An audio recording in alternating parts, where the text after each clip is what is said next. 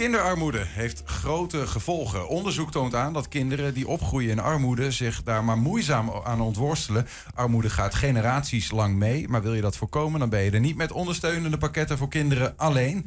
Aankomende donderdagmiddag dan organiseren Saxion en 120 een symposium over kinderarmoede, waarin eigenlijk de belangrijkste vragen aan eh, bod komen.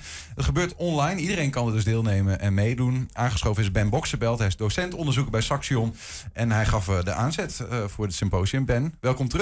Dankjewel. Um, een symposium over kinderarmoede. Uh, waarom moest die er komen? Ja, het gaat eigenlijk over kansarmoede. Het is eigenlijk nog veel breder dan, uh, dan kinderarmoede. En uh, waarom moet die er komen? Ja, omdat nog steeds ehm, er heel veel talent en heel veel potentieel onbenut blijft. Omdat kinderen ja, niet de kansen krijgen die andere kinderen wel krijgen. Wat zijn de belangrijkste vragen dan? Want ik zeg net, ja, we moeten vragen beantwoorden daar. Welke vragen komen er op aan tafel? Nou, eh, we gaan, we gaan eigenlijk drie vragen beantwoorden. Wat is de samenhang tussen de plek waar je geboren wordt en je kansen in het leven? En dan kunnen we het hebben over je kansen om een goede baan te vinden en om uh, een, een, een ja, financiële welstand te bereiken. Maar ook je kansen op, op een goede opleiding, goede gezondheid. Mhm. Dus wat is de samenhang daartussen? En dan gaan we in de tweede ronde gaan we kijken van uh, waardoor, wat maakt dan dat die kansenarmoede dat die zo hardnekkig is en dat die ook heel vaak in heel veel gevallen overerft van ouder op kind op kleinkind. En in de derde ronde dan gaan we met wethouder Esma Lala uit uh, Tilburg gaan we kijken van wat kan je nou als gemeente doen om structureel die oorzaken aan te pakken. -hmm. En wat is daar dan uiteindelijk de bedoeling van? Want eh, iedereen kan meekijken, maar wie wil je bereiken met, met, met die vragen en die antwoorden daarop?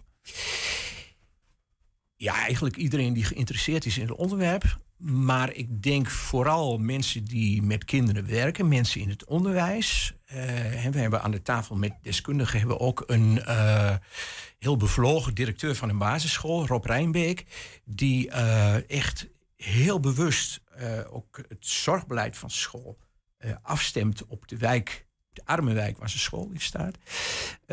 dus dus ja, mensen uit het onderwijs. Uh, beleidsmakers en politici, vooral op lokaal niveau. Mm -hmm. En ja, mensen die op het gebied van welzijn en hulpverlening actief zijn. Ja, ja. ja. Valt er nog, ja, dat is misschien moeilijk te zeggen hoor, maar valt er nog veel te winnen op dit gebied, zeg maar?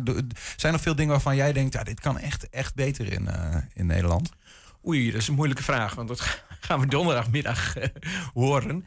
Um, Kijk, laat ik het zo zeggen. Als uh, blijkt dat uh, kinderen uit uh, Enschede Noord, uit um, Deppenbroek bijvoorbeeld, dat die op volwassen leeftijd ongeveer de helft verdienen van wat een kind uit Lonneker verdient.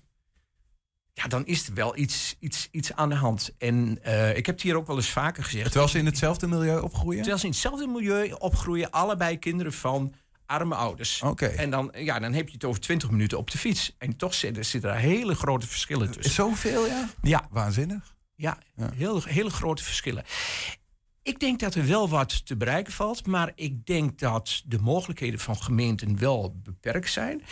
Maar ik denk, uh, ja, ik heb het hier al vaker gezegd, ik denk dat je met name bijvoorbeeld door hoe je bouwt mm -hmm. en uh, door uh, betaalbare woningen en door Um, niet alle sociale huisvesting te concentreren in één bepaalde wijk.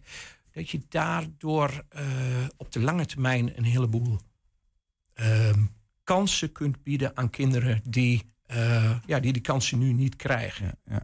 Je noemde net al even uh, een wethouder uit Tilburg. Ja. Um, wat zijn nog meer de spelers die we donderdag aan het woord gaan zien? Hoe, gaat het, hoe gaan die vragen zeg maar, gesteld worden en aan wie? Hoe gaat het er eigenlijk uitzien? Ja, nou, de uitzending bestaat eigenlijk uit drie ronden. En elke ronde wordt ingeleid door een, uh, ja, ik mag het wel zeggen, een autoriteit op zijn vakgebied.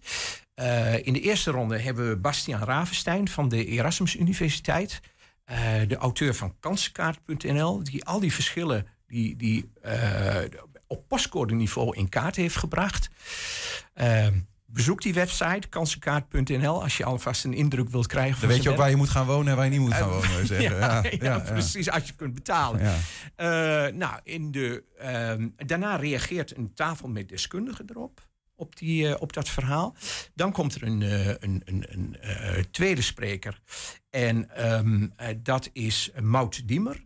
Die doet in de veenkoloniën onderzoek naar de overerving van armoede. Dus dan gaat het eigenlijk over hoe komt dat nou dat die armoede zo hardnekkig is, die kansarmoede. En in de derde ronde komt dus Esma Lala. En tussendoor hebben we iedere keer een tafel met deskundigen. En daar zit onder andere Arjan Kampman, de wethouder, die zit daar. Enschede. Ja, Patrick Sins uh, is pas weg bij Saxion als lector uh, onderwijsinnovatie. Is nu lector in Rotterdam. Maar hij heeft zich ook veel met het thema bezig gehouden. Dus die belicht de onderwijskant. Rob Rijnbeek heb ik net al genoemd, directeur van de basisschool in, uh, in Almelo. Ontzettend bevlogen man. Mhm.